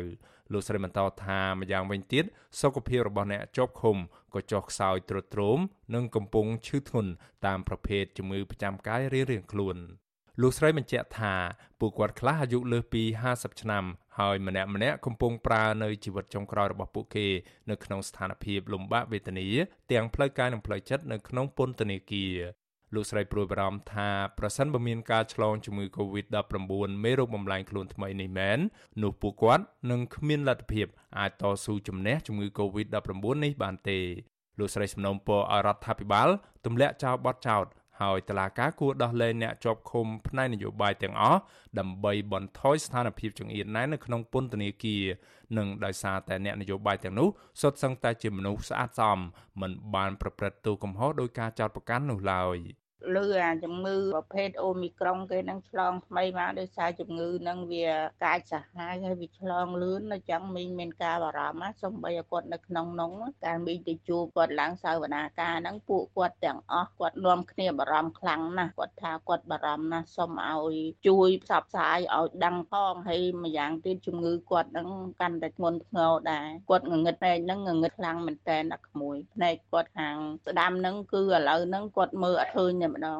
ការលើកឡើងនេះក្រោយពេលដែលក្រសួងសុខាភិបាលបានបង្ហាញតួលេខថានៅរយៈពេលចុងក្រោយនេះអ្នកឆ្លងជំងឺ Covid-19 កំពុងតែកើនឡើងវិញហើយភាគច្រើននៃការឆ្លងនេះគឺជាប្រភេទមេរោគបំលែងខ្លួនថ្មីអូមីក្រុងរដ្ឋាភិបាលបានប្រកាសថាដើម្បីការពារខ្លួនពីមេរោគបំលែងខ្លួនថ្មីអូមីក្រុងនេះពលរដ្ឋត្រូវបន្តអនុវត្តវិធានការពាក់ម៉ាស់រក្សាគម្លាតសង្គមលាងសម្អាតដៃនិងស្នើសុំកុំឲ្យពលរដ្ឋភ័យស្លន់ស្លោ ក៏ប៉ុន្តែសម្រាប់អ្នកជាប់ឃុំរស់នៅក្នុងពន្ធនាគារវិញពួកគេនឹងមិនអាចអនុវត្តនៅវិធានការទាំងអស់នេះបានសោះតែម្ដងខណៈស្ថានភាពនៅក្នុងបន្ទប់ឃុំឃាំងតូចចង្អៀតនិងផ្ទុកអ្នកជាប់ឃុំយ៉ាងច្រើនលើសពីទំហំបន្ទប់ពាក់ព័ន្ធនឹងករណីនេះ Visual C ស្រីមិនអាចសុំការបញ្ជាក់ពីខាងអ្នកនាំពាក្យអគ្គនាយកដ្ឋានពន្ធនាគារលោកនុតសាវណ្ណាបាននៅឡើយទេនៅថ្ងៃទី23ខែមករាតែយ៉ាងណាលោកធ្លាប់បញ្ជាក់ថា ក្នុងករណីមានការឆ្លងជំងឺ Covid-19 នៅក្នុងពន្ធនាគារមែននោះនោះអាជ្ញាធរពន្ធនាគារនីមួយៗនឹងរៀបចំបែងចែកនិងព្យាបាលអ្នកជាប់ឃុំទាំងនោះភ្លាមៗក៏ប៉ុន្តែក្រុមអង្គការអន្តរជាតិធ្លាប់ចេញសេចក្តីថ្លែងការណ៍រកឃើញថាអាញាធរកម្ពុជាបានលាក់បាំងព័ត៌មាននៃការឆ្លងជំងឺ Covid-19 នៅក្នុងពន្ធនាគារក្នុងឆ្នាំ2021ដែលបង្ហាញតួលេខអ្នកឆ្លងតិចតួចបំផុតអង្គការឃ្លាំមើលសិទ្ធិមនុស្សអន្តរជាតិ Human Rights Watch និងអង្គការលើកលែងទោសអន្តរជាតិ Amnesty International បានចេញសេចក្តីថ្លែងការណ៍រួមគ្នាមួយកាលពីឆ្នាំ2021ដែលរកឃើញថាពួកគេទទួលបានព័ត៌មានសម្ងាត់មកថាមានអ្នកជាប់ឃុំនៅក្នុងពន្ធនាគាររាជធានីភ្នំពេញហៅកាត់ថា PZ រាប់រយអ្នកឆ្លងជំងឺ Covid-19 បន្ថែមពីលើនេះអតីតអ្នកជាប់ឃុំដែលឆ្លងជំងឺ Covid-19 អះអាងថាអាជ្ញាធរមិនបានយកចិត្តទុកដាក់ព្យាបាលជំងឺ Covid-19 នោះទេគឺអាជ្ញាធរបានយកអ្នកជាប់ឃុំដែលឆ្លងជំងឺ Covid-19 ទៅចាក់សោទុកចោលនៅក្នុងបន្ទប់រួមគ្នា ដែលមានភាពចង្អៀតណែនជាងពេលធម្មតាទៅទៀតការផ្ទុះជំងឺ Covid-19 នៅក្នុងពន្ធនាគារកាលពីឆ្នាំ2021កន្លងទៅក៏បានបណ្ដាលឲ្យអ្នកជាប់ឃុំមួយចំនួនស្លាប់ដែរ អតីតអ្នកទោសមនសិការនិងជាប្រធានសហភាពសហជីពកម្ពុជា លោករងឈុនឲ្យដឹងថាអាញាធរពន្ធនាគារគ្មានសម្ភារៈសុវត្ថិភាពដូចជាម៉ាស់សាប៊ូលាងដៃអាកុលថ្នាំសង្កូវគ្រប់គ្រាន់ឲ្យអ្នកជាប់ឃុំប្រើប្រាស់នោះទេជាងនេះទៅទៀតលោកបន្តថានៅក្នុងបន្ទប់ឃុំឃាំងមានភាពចង្អៀនណែនដែលមិនអាចបង្កលក្ខណៈឲ្យអ្នកជាប់ឃុំអាចរក្សាគម្លាតគ្នាឬអនុវត្តវិធានការសុខាភិបាលបានឡើយ លោករងឈុនជំរុញឲ្យអាជ្ញាធរពន្ធនាគារដោះលែងអ្នកទោសមនសិការអ្នកជាប់ឃុំសកម្មជននយោបាយនិងសកម្មជនសង្គមឲ្យអស់ដើម្បីសម្រួលបន្ទុកនេះកាលពីថ្ងៃទី19ខែមករាលោករងឈុនក៏បានចេញសេចក្តីថ្លែងការណ៍មួយតំណាងឲ្យក្រុមប្រឹក្សាឃ្លាំមើលកម្ពុជាសម្ដែងការព្រួយបារម្ភចំពោះករណីទាំងអស់នេះដែរលោកបានអំពាវនាវឲ្យក្រសួងសុខាភិបាលនិងអាជ្ញាធរពន្ធនាគារយកចិត្តទុកដាក់ផ្តល់សេវាសុខភាព ជូនអ្នកជាប់ឃុំឲ្យមានប្រសិទ្ធភាពហើយលោកក៏បានអំពាវនាវទៅតុលាការនិងរដ្ឋាភិបាលឲ្យទម្លាក់ចោលការចោទប្រកាន់នានាហើយត្រូវផ្ដល់យុត្តិធម៌និងដោះលែងសកម្មជនសង្គមអ្នកទស្សនយោបាយនិងអ្នកទោសមនសិការឲ្យមានសេរីភាពឡើងវិញស្របតាមច្បាប់ជាតិនិងច្បាប់អន្តរជាតិដោយឡែកនាយកប្រតិបត្តិអង្គការសម្ព័ន្ធភាពការពារសិទ្ធិមនុស្សហៅកាត់ថាច្រាក់លោករស់សថា លោកយល់ថាការបន្តឃុំខ្លួនសកម្មជនសង្គមនិងអ្នកទោសនយោបាយនឹងមិនផ្ដល់ផលចំណេញដល់រដ្ឋាភិបាលនោះទេផ្ទុយទៅវិញលោកថាប្រសិនបើការបន្តឃុំខ្លួនពួកគេរហូតដល់មានករណីឆ្លងជំងឺ Covid-19 ប្រភេទអូមីក្រុងទៀតនោះនោះរដ្ឋាភិបាលនឹងរងនឹងការរិះគន់បន្ថែមទៀត ដោះលែងអ្នកទស្សនយោបាយទាំងអស់អ្នកទូមនសការទាំងអស់នឹងបានឆាប់ឆាប់ទៅហើយបានមុនមេដឹកនាំទៀតក៏កាន់តែប្រសើរអានឹងគឺជាយោបល់របស់ខ្ញុំណាគ្មានគឺថាតម្លៃអីនឹងទុកគាត់យូរអញ្ចឹងណាគិតត្រឹមដើមឆ្នាំ2022នេះមានអ្នកទស្សនយោបាយសកម្មជនសង្គមសកម្មជនការងារនិងសហជីពនៃក្រុមហ៊ុន Casino Nagawal សរុបប្រមាណជាង60នាក់ហើយកំពុងជាប់ឃុំនៅក្នុងពន្ធនាគារនៅទូទាំងប្រទេស ពួកគាត់ភ័យច្រើនរងនឹងការចាត់ប្រកាន់ពីបទញុះញង់និងបទរួមគំនិតក្បត់ក៏ប៉ុន្តែសម្រាប់ក្រុមអង្គការឃ្លាំមើលសិទ្ធិមនុស្សជាតិនិងអន្តរជាតិវិញពួកគេហៅការចោទប្រកាន់ទាំងនោះថាគឺជាការបង្ក្រាបផ្នែកនយោបាយហើយទាមទារឲ្យរដ្ឋាភិបាលទម្លាក់ចោលនៅបទចោទប្រកាន់ទាំងនោះនិងអន្តរាគមន៍ដោះលែងពួកគេឲ្យមានសេរីភាពឡើងវិញដោយគ្មានលក្ខខណ្ឌបាទលោកនាងប្រិមម្នាក់ស្ដាប់ជាទីមេត្រី ដំណើរគ្នានឹងការស្ដាប់កម្មវិធីផ្សាយរបស់ Visual C ស្រីតាមបណ្ដាញសង្គម Facebook និង YouTube លោកអ្នកនាងក៏អាចស្ដាប់កម្មវិធីផ្សាយរបស់ Visual C ស្រីតាមរលកធារកាសខ្លីឬ Shortwave តាមកម្រិតនិងកម្ពស់ដូចតទៅនេះពេលព្រឹកចាប់ពីម៉ោង5កន្លះដល់ម៉ោង6កន្លះតាមរយៈរលកធារកាសខ្លី9390 kHz ស្មើនឹងកម្ពស់ 32m និង11850 kHz ស្មើនឹងកម្ពស់ 25m ពេលយប់ចាប់ពីម៉ោង7កន្លះដល់ម៉ោង8កន្លះតាមរយៈរលកធារកាសខ្លី9390 kHz ស្មើនឹងកម្ពស់ 32m និង15155 kHz ស្មើនឹងកម្ពស់ 20m បាទសូមអរគុណ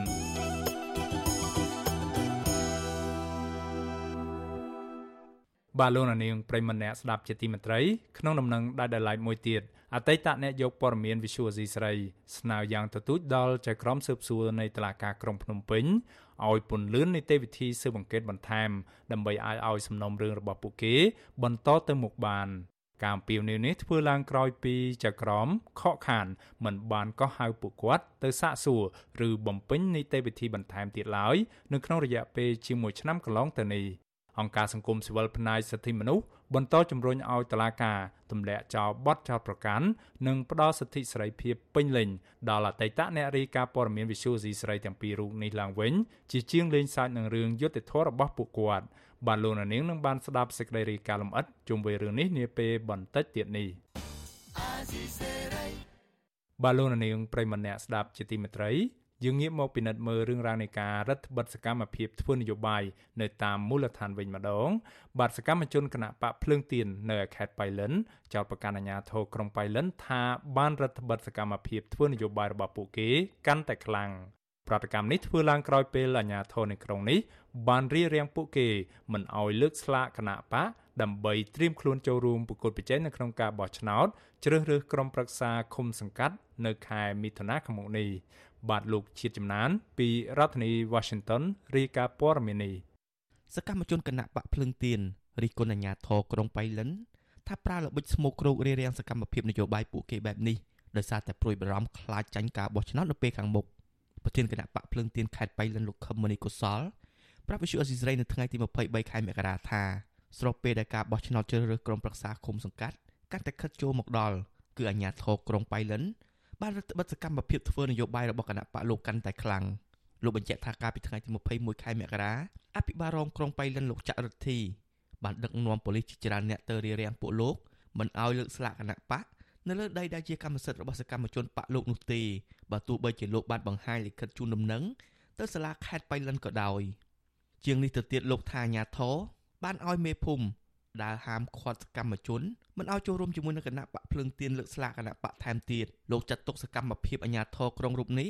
ថាជាការបន្តិចបង្អាក់រារាំងសកម្មជនគណៈបកលោកមិនឲ្យធ្វើសកម្មភាពនយោបាយបានដោយរលូនពីព្រោះព្រួយបារម្ភពីប្រជាប្រិយភាពបកភ្លើងទៀនដែលជាឆ្អឹងទៅតឹងកដល់គណៈបកកាន់អំណាចខ្ញុំថាចឹងឥឡូវផ្លាកស្រាបៀផ្លាកគណៈបកផ្សេងផ្សេងដាក់ជាប់មាត់ផ្លូវហ្នឹងជិះម៉ូតូចង់បុកតើវាត្រូវវិច័យកទេសអត់ គាត់អត់ឆ្លើយគាត់ថាអាហ្នឹងបើឃើញគេខុសយើងខុសតាមគេ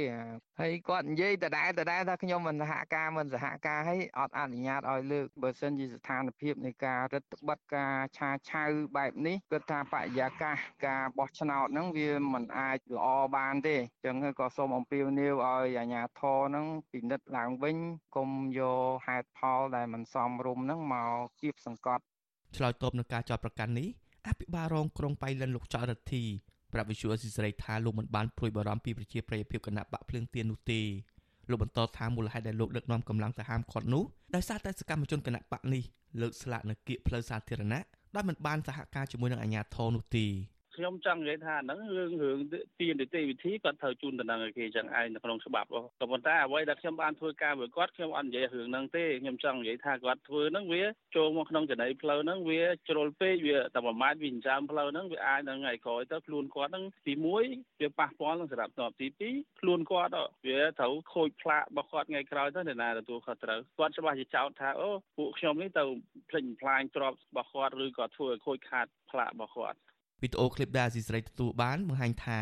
សកម្មជនគណៈបកភ្លឹងទៀនជាង10នាក់បានលើកស្លាកគណៈបកពីកន្លែងផ្សេងគ្នាដោយកន្លែងទី1គឺលើកនៅចម្ងាយពីផ្លូវប្រមាណ3ម៉ែត្រនៅសង្កាត់ទូលវាក្រុងបៃលិនគ្រានោះអភិបាលរងក្រុងរូបនេះបានដឹកនាំប៉ូលីសប្រហែល5នាក់ទៅដកស្លាកគណៈបកភ្លើងទៀនចេញវិញប៉ុន្តែក្រុមសកម្មជនទាំងនោះមិនព្រមហើយអាជ្ញាធរក៏បញ្ឈប់រើវិញក្រោយពួកគេស្នើសុំអាជ្ញាធរលើកស្លាកឲ្យរួចសិនចាំអាជ្ញាធរស្លៀកពាក់ឯកសណ្ឋានដកស្លាកដោយខ្លួនឯង មួយកន្លែងទៀតគឺលើកស្លាកនៅចម្ងាយជាង1ម៉ែត្រពីចិញ្ចើមផ្លូវនៅសង្កាត់បូយ៉ាខាគ្រានោះអាជ្ញាធរក៏បញ្ជាឲ្យដកស្លាកចេញដែរដោយនិយាយថាការលើកស្លាកនេះពួកគេមិនបានសហការជាមួយនឹងអាជ្ញាធរក្រុងជាមុនជុំវិញរឿងនេះមន្ត្រីសម្របសម្រួលសមាគមការពារសិទ្ធិមនុស្សអាត់ហុកខេត្តបាត់ដំបងនិងខេត្តបៃលិនលោកយិនមេនលីយល់ថាអាជ្ញាធរធ្វើបែបនេះបានទំនងជាមានបញ្ហាថ្នាក់លើឲ្យចុះទៅរារាំងសកម្មជនគណៈបកនយោបាយរឿងលើកស្លាកគណៈបក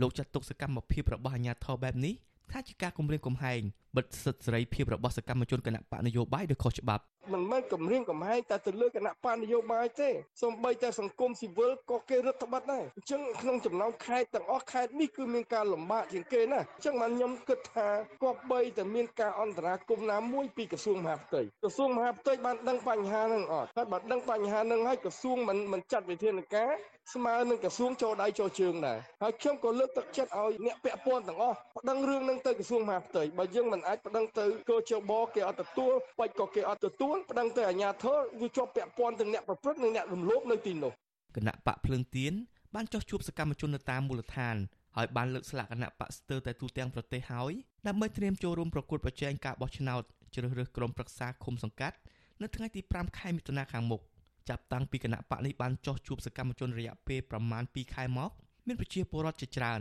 ចាប់អារម្មណ៍នឹងបានចូលរួមធ្វើនយោបាយជាមួយនឹងគណៈបកនេះ ដោយឡែកនៅឯខេត្តបៃលិនវិញ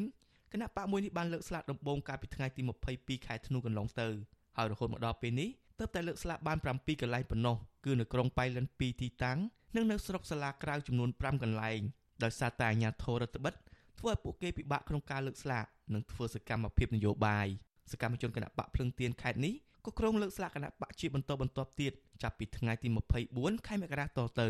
ខ្ញុំបាទជាចំណាន Visual Society ពីរដ្ឋធានី Washington thank you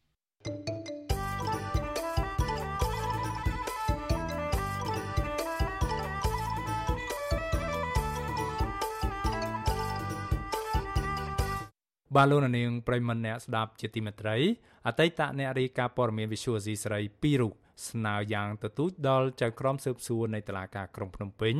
ឲ្យពន្លឿននីតិវិធីនៃការស៊ើបអង្កេតបន្ថែមដើម្បីឲ្យសំណុំរឿងនេះអាចបន្តទៅមុខបាន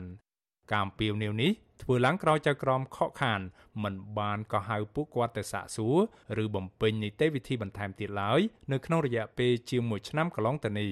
មន្ត្រីអង្គការសង្គមស៊ីវិលផ្នែកសិទ្ធិមនុស្សបន្តជំរុញឲ្យតុលាការទម្លាក់ចោលបទចោទប្រកាន់និងផ្ដល់សិទ្ធិសេរីភាពពេញលេញដល់អតីតអ្នករាយការណ៍ព័ត៌មាន Visual ស៊ីស្រីទាំងពីររូបឡើងវិញជាជាងលេងសាច់នឹងរឿងយុត្តិធម៌របស់ពួកគាត់ បាទជាបន្តទៅទៀតនេះសូមអញ្ជើញលោកនាងស្ដាប់សេចក្តីរាយការណ៍មួយទៀតរបស់លោកមួងណារ៉េតជុំវិញព័ត៌មាននេះអតីតអ្នកយកព័ត៌មានវិទ្យុអាស៊ីសេរីពីររូបគឺលោកយាងសុធិរិននិងលោកអ៊ុនឈិនកំពុងតែបន្តរស់នៅក្នុងគំនាបផ្លូវចិត្តនិងគ្មានសេរីភាពពេញលេញដោយប្រជាប្រដ្ឋទូទៅឡើយដោយសារតែការអូសបន្លាយសំណុំរឿងតាមតែអំពើចិត្តរបស់តុលាការក្រុងភ្នំពេញចក្រមស៊ើបសួរលោកពេជ្រវិជាធរដែលមានកាតព្វកិច្ចស៊ើបសួរក្តីនេះបន្ថែម មិនបានកោះហៅពួកគាត់ទៅសាកសួរឬក៏បំពេញនីតិវិធីអ្វីនោះឡើយនៅក្នុងរយៈពេលជាង1ឆ្នាំមកនេះអតីតអ្នកយកព័ត៌មានវិទ្យុអាស៊ីសេរីលោកយាងសុធិរិនឲ្យដឹងថាលោកនិងលោកអ៊ួនឈិនមិនធ្លាប់ទទួលបានដីកាកោះហៅពីចៅក្រមស៊ើបសួរឬក៏ទទួលដំណឹងអ្វីពីតុលាការនោះទេលោកងឿងឆ្ងល់ថាតើហេតុអ្វីបានជាតឡាការមិនយកចិត្តទុកដាក់ដោះស្រាយសំណុំរឿងរបស់ពួកលោកបែបនេះស្របពេលដែលរឿងក្តីក្តាំនេះ មានរយៈពេលជាង4ឆ្នាំមកហើយហើយការបង្វិលសំណុំរឿងឲ្យស៊ើបអង្កេតបន្ថែមនេះទៀតសោតក៏មានរយៈពេលជាង1ឆ្នាំហើយដែរលោកបញ្ជាក់ទៀតថាការផ្អឹបទុកសំណុំរឿងបែបនេះធ្វើឲ្យពួកលោកបន្តបាត់បង់សេរីភាពនិងរស់នៅក្នុងទុក្ខកង្វល់ដូច្នេះលោកទទូចដល់តុលាការឲ្យពន្លឿនសំណុំរឿងនេះ បើគាត់ຕົកចឹងហើយគ្មានអាជ្ញាយុកាលគ្មានកំណត់ពេលវេលាអញ្ចឹងពួកខ្ញុំពិបាកដែរណានៅក្នុងការរស់នៅប្រចាំថ្ងៃដូច្នេះយើងខ្ញុំនៅស្នើសុំដដែលទៅថាឲ្យពលឿននីតិវិធីនឹងឲ្យបានលឿនទៅហើយបើសិនជាมันមានបោះតាងឲ្យដាក់បន្ទុកលើពួកខ្ញុំអីជាក់លាក់ទេសូមមេត្តាតម្លាក់បទចោទប្រកាន់នៅលើពួកខ្ញុំទាំងអស់ទៅដើម្បីពួកខ្ញុំបានរស់នៅមានសេរីភាពពេញលេញដូចគេទេឯងបាទការអំពាវនាវរបស់អតីតអ្នកសារព័ត៌មានឯករាជ្យរូបនេះ ធ្វើឡើងដោយសារតែចក្រមស៊ើបសួរតឡាការក្រុងភ្នំពេញលោកពេជ្រវិជាធរមិនបានក៏ហៅរូបលោកនិងលោកអ៊ុនឈិនទៅសាកសួរបន្ថែមនោះឡើយបើទោះបីជាចក្រមជំនុំជម្រះបានបង្វិលសំណុំរឿងឲ្យស៊ើបអង្កេតបន្ថែម កាលពីខែតុលាឆ្នាំ2019ហើយតឡាការកំពូលបានចេញសារដីកាបើកផ្លូវឲ្យអនុវត្តនីតិវិធីនេះតាំងតែពីឆ្នាំ2020ហើយក៏ដោយមេធាវីការពីក្តីឲ្យអតីតនាយកព័ត៌មានវិទ្យុអាស៊ីសេរីទាំងពីររូបគឺលោកសំចម្រើនប្រាប់ថាលោកធ្លាប់បានទទួលដីកាកោះហៅម្ដង ពីចក្រមស៊ើបសួរកាលពីខែមីនាឆ្នាំ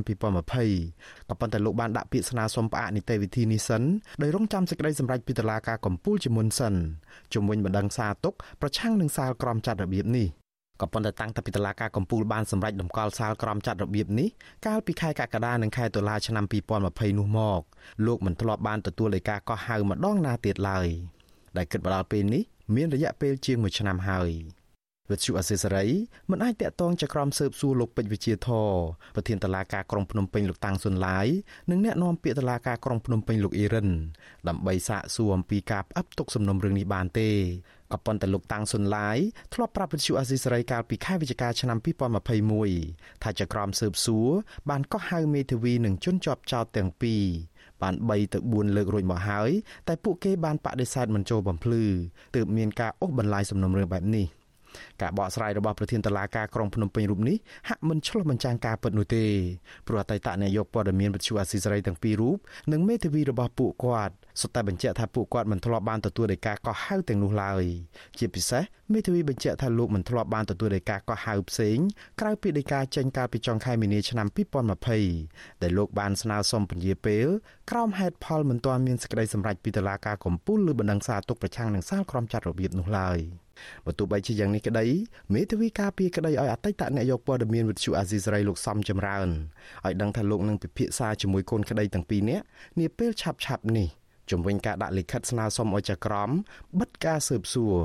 លោកបញ្យល់ថាការអូសបន្លាយសំណុំរឿងបែបនេះធ្វើឲ្យប៉ះពាល់ដល់សិទ្ធិទទួលបានសវនាការដោយយុត្តិធម៌និងឆាប់រហ័សព្រមទាំងសេរីភាពជាមូលដ្ឋានដតីទៀតរបស់កូនក្តីរបស់លោក បើសិនជាតុលាការដែលធ្វើឡើងដោយមានជីវៈគឺត្រូវតែមានអាកាត់ទៅលើចំណុចណាមួយដែលថាជារឿងខុសរឿងត្រូវគឺត្រូវតែអាកាត់ដើម្បីកុំឲ្យមានភាពបន្ទើចំពោះពាក្យពីពាក្យព័ន្ធអញ្ចឹងខ្ញុំគាត់យល់ថាបើសិនជាដំណើរការក្តីមួយដែលមិនស្មុគស្មាញចឹងប្រើពេលវេលាយូរវាជារឿងមួយមិនសមស្របទៅតាមស្តង់ដារជាតិនិងអន្តរជាតិដែលគោលការណ៍នៃការទទួលបានសវនកម្មដោយត្រឹមត្រូវយុត្តិធម៌ទាំងហ្នឹងក៏មានសិទ្ធិទទួលបានសវនកម្មដោយឆាប់រហ័សមួយដែរ តុលាការក្រុងភ្នំពេញបានចោទប្រកាន់លោកយាងសុធិរិននិងលោកអ៊ួនឈិនចំនួន2បទល្មើសគឺបទចារកម្មនិងបទផលិតនិងកាន់កាប់រូបភាពអាហាភាសក្រោយពីបានចាប់ខ្លួនពួកគាត់តាក់ទងនឹងអង្គហេតុនៃការបង្កើតស្ទូឌីយោចម្រៀងដោយគ្មានការអនុញ្ញាតកាលពីខែវិច្ឆិកាឆ្នាំ2017តឡាការបានឃុំខ្លួនពួកគាត់ជិត1ឆ្នាំនិងបានចំណាយពេលដ៏យូរនៅក្នុងការអនុវត្តនីតិវិធីពីមួយទៅមួយ តឡាការប្រើពេលជាង2ឆ្នាំនៅក្នុងការស៊ើបសួរបើការជំនុំជម្រះនិងចុងក្រោយចេញសាលក្រមចាត់របៀបឲ្យស៊ើបក្តីនេះបន្ថែម ការបដិងអធរនិងបដិងសារទុកប្រឆាំងនឹងសាលក្រមចាត់របៀបនេះប្រើពេលប្រមាណ1ឆ្នាំទៀតដោយតុលាការជាន់ខ្ពស់សម្រេចដំកល់សាលក្រមនេះជាង1ឆ្នាំចុងក្រោយនេះជាពេលដែលអ្នកទាំងពីរត្រូវរងចាំការកោះហៅពីចក្រមស៊ើបសួរចំពោះដំណើរការស៊ើបអង្កេតបន្ថែមគិតជាសរុបនៅក្នុងរយៈពេលជាង4ឆ្នាំមកនេះ ពន្លឺយុតិធធសម្រាប់អតីតអ្នកសារព័ត៌មានឯករាជ្យទាំងពីររូបនេះនៅមិនទាន់លេចចេញជារូបរាងនៅឡើយទេក្រុមអង្គការសិទ្ធិមនុស្សដែលតាមដានសំណុំរឿងនេះវាតម្លៃថាតឡាការគ្មានភ័ស្តុតាងគ្រប់គ្រាន់ដើម្បីដាក់បន្ទុក និងបង្ហាញអំពីទោសកំហុសរបស់លោកយាងសធិរិននិងលោកអ៊ួនឈិនតាំងតែពីដំបូងមកម្លេះដោយសារតែបែបនេះហើយទើបពួកគេទាមទារឲ្យតុលាការទម្លាក់ចោលបទចោទប្រកាន់ប្រឆាំងនឹងអ្នកទាំងពីរ ប្រធានសមាគមអាត់ហុកលោកនីសុខាសោកស្ដាយចំពោះចំណាត់ការរបស់អាជ្ញាធរនិងតុលាការទៅលើលោកយាងសុធិរិននិងលោកអ៊ួនឈិនជាពិសេសការអូសបន្លាយសំណុំរឿងមកដល់ពេលបច្ចុប្បន្នលោកទទួលស្គាល់ថាច្បាប់មិនបានកំណត់អំពីធរៈវេលានៃការស៊ើបអង្កេតនោះទេ តែគោលការណ៍ច្បាប់តម្រូវឲ្យតុលាការចាត់ការសំណុំរឿងនីមួយៗដោយយុត្តិធម៌និងឆាប់រហ័សលោករិះគន់ថាតុលាការកំពុងតែយករឿងយុត្តិធម៌របស់អតីតអ្នកសារព័ត៌មានឯករាជ្យទាំងពីររូបជាលបែងលេងសើចទៅវិញ។ ច្បាប់ជាតិយើងបានកំណត់ឲ្យថាការចោទប្រកាន់ការចាប់ខ្លួនការឃុំខ្លួនត្រូវតែធ្វើទៅតាមច្បាប់ណាឲ្យមានភាពយុត្តិធម៌ត្រឹមត្រូវប៉ុន្តែយើងហាក់បីដូចជាចោទប្រកាន់ចាប់ខ្លួនឃុំខ្លួនគេមួយរយៈហ្នឹងហាក់បីដូចជាធ្វើនៅក្នុងន័យមួយធ្វើឲ្យប៉ះពាល់ដល់កិត្តិយសដល់សេចក្តីថ្លៃថ្នូររបស់គេណាហ្នឹងវាជារឿងមួយហាក់បីដូចជាយើងលេងសើចនៅក្នុងរែងលបែងយុត្តិធម៌ហ្នឹង ក្រុមអង្គការសង្គមស៊ីវិលជាតិនិងអន្តរជាតិរួមទាំងទីភ្នាក់ងារអង្គការសហប្រជាជាតិផងសុទ្ធតែបានចាត់ទុកសំណុំរឿងព្រហ្មទណ្ឌប្រឆាំងនឹងលោកយាងសុធិរិននិងលោកអ៊ួនឈិនថាធ្វើឡើងដោយមិនត្រឹមត្រូវនិងផ្ទុយពីគោលការណ៍ច្បាប់ជាមួយគ្នានេះអង្គការឃ្លាំមើលសិទ្ធិមនុស្សអន្តរជាតិ Human Rights Watch បានវិតម្លៃថាអតីតអ្នកយកព័ត៌មានវិទ្យុអាស៊ីសេរីទាំងពីររូបគឺជាជនរងគ្រោះនៃការវាយបង្ក្រាបឥតស្រាកស្រានរបស់លោកហ៊ុនសែនទៅលើសារព័ត៌មានឯករាជ្យនិងសេរីភាពបញ្ចេញមតិនៅកម្ពុជា។ លោកយាងសុធិរិនបញ្ជាក់បន្ថែមថាអាញាធរដឹងច្បាស់ថាពួកលោកមិនបានប្រព្រឹត្តបទល្មើសអ្វីឡើយក៏ប៉ុន្តែការចាប់ខ្លួននិងការបន្តចោទប្រកាន់ពួកលោករហូតមកដល់ពេលនេះគឺជារូបភាពនៃការគំរាមកំហែងនិងបំបាក់ស្មារតីអ្នកសារព័ត៌មាននិងស្ថាប័នព័ត៌មានឯករាជ្យទៅវិញទេចំណាត់ការលើលោកយាងសុធិរិននិងលោកអ៊ួនឈិនព្រមទាំងអ្នកកាសែតឯករាជ្យមួយចំនួនទៀតនោះ គឺជាតកតាមួយដែលបង្ហាញអំពីការបង្ក្រាបរបស់អាជ្ញាធរទៅលើសេរីភាពសារព័ត៌មាន និងការបញ្ចេញមតិនេះក៏ជាមូលហេតុមួយដែលសហគមន៍អន្តរជាតិមើលឃើញនិងវាយតម្លៃអំពីការធ្លាក់ចុះសេរីភាពសារព័ត៌មាននៅកម្ពុជា ក្នុងរយៈពេលប៉ុន្មានឆ្នាំចុងក្រោយនេះដែរខ្ញុំបាទមុងណារ៉េត With you Assisray ប្រធានាធិបតី Washington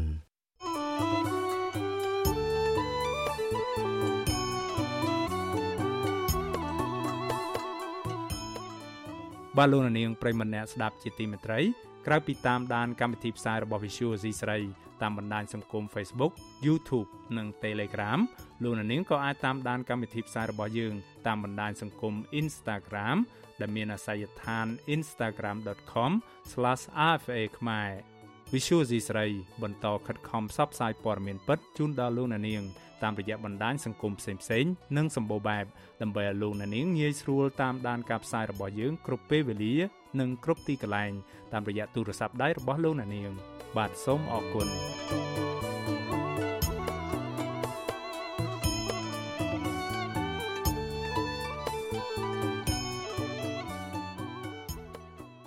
បាទលោកនាងកញ្ញាប្រិមម្នាក់ស្ដាប់ជាទីមេត្រីកម្មវិធីផ្សាយរយៈពេល1ម៉ោងនៃ Visual Asia ស្រីជាភាសាខ្មែរនៅពេលនេះ ចប់តែប៉ុណ្ណេះយើងខ្ញុំសូមជូនពរដល់លោកនាងកញ្ញាព្រមទាំងក្រុមគ្រួសារទាំងអស់ឲ្យជួបប្រកបតែនឹងសេចក្តីសុខចម្រើនរុងរឿងកំបីគ្លៀនគ្លាតឡើយ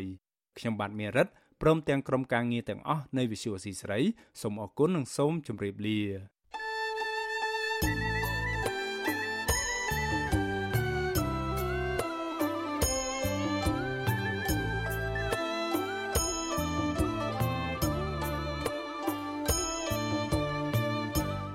ទ្យុអាស៊ីសេរីផ្សាយតាមរលក ធាតុអាកាសខ្លីឬ short wave តាមកម្រិតនិងកម្ពស់ដូចតទៅនេះពេលព្រឹកចាប់ពីម៉ោង5កន្លះដល់ម៉ោង6កន្លះតាមរយៈរលកធាតុអាកាសខ្លី9390 kHz ស្មើនឹងកម្ពស់ 32m និង11850 kHz ស្មើនឹងកម្ពស់ 25m ពេលយប់ចាប់ពីម៉ោង7កន្លះដល់ម៉ោង8កន្លះតាមរយៈរលកធាតុអាកាសខ្លី 9390 kHz ស្មើនឹងកម្ពស់ 32m និង15155 kHz ស្មើនឹងកម្ពស់ 20m លោកអ្នកនាងក៏អាចស្ដាប់ការផ្សាយផ្ទាល់តាមប្រព័ន្ធអ៊ីនធឺណិតដោយចូលទៅកាន់គេហទំព័រ www.rfa.org/ ខ្មែរក្រៅពីនេះលោកអ្នកនាងក៏អាចអាននិងទស្សនាព័ត៌មានវិទ្យុអេស៊ីសេរីលើទូរស័ព្ទដៃរបស់លោកអ្នកផ្ទាល់ សូមលោកអ្នកនាងចូលទៅកាន់បណ្ដាញសង្គម Facebook ដែលមានអាសយដ្ឋាន www.facebook.com/rfa.cambodia និង YouTube www.youtube.com/rfa ខ្មែរ video សូមលោកអ្នកនាងចុច like និងចុច subscribe ដើម្បីទទួលបានព័ត៌មានថ្មីៗទាន់ហេតុការណ៍និងទស្សនាវីដេអូផ្សេងៗទៀតបានគ្រប់ពេលវេលា។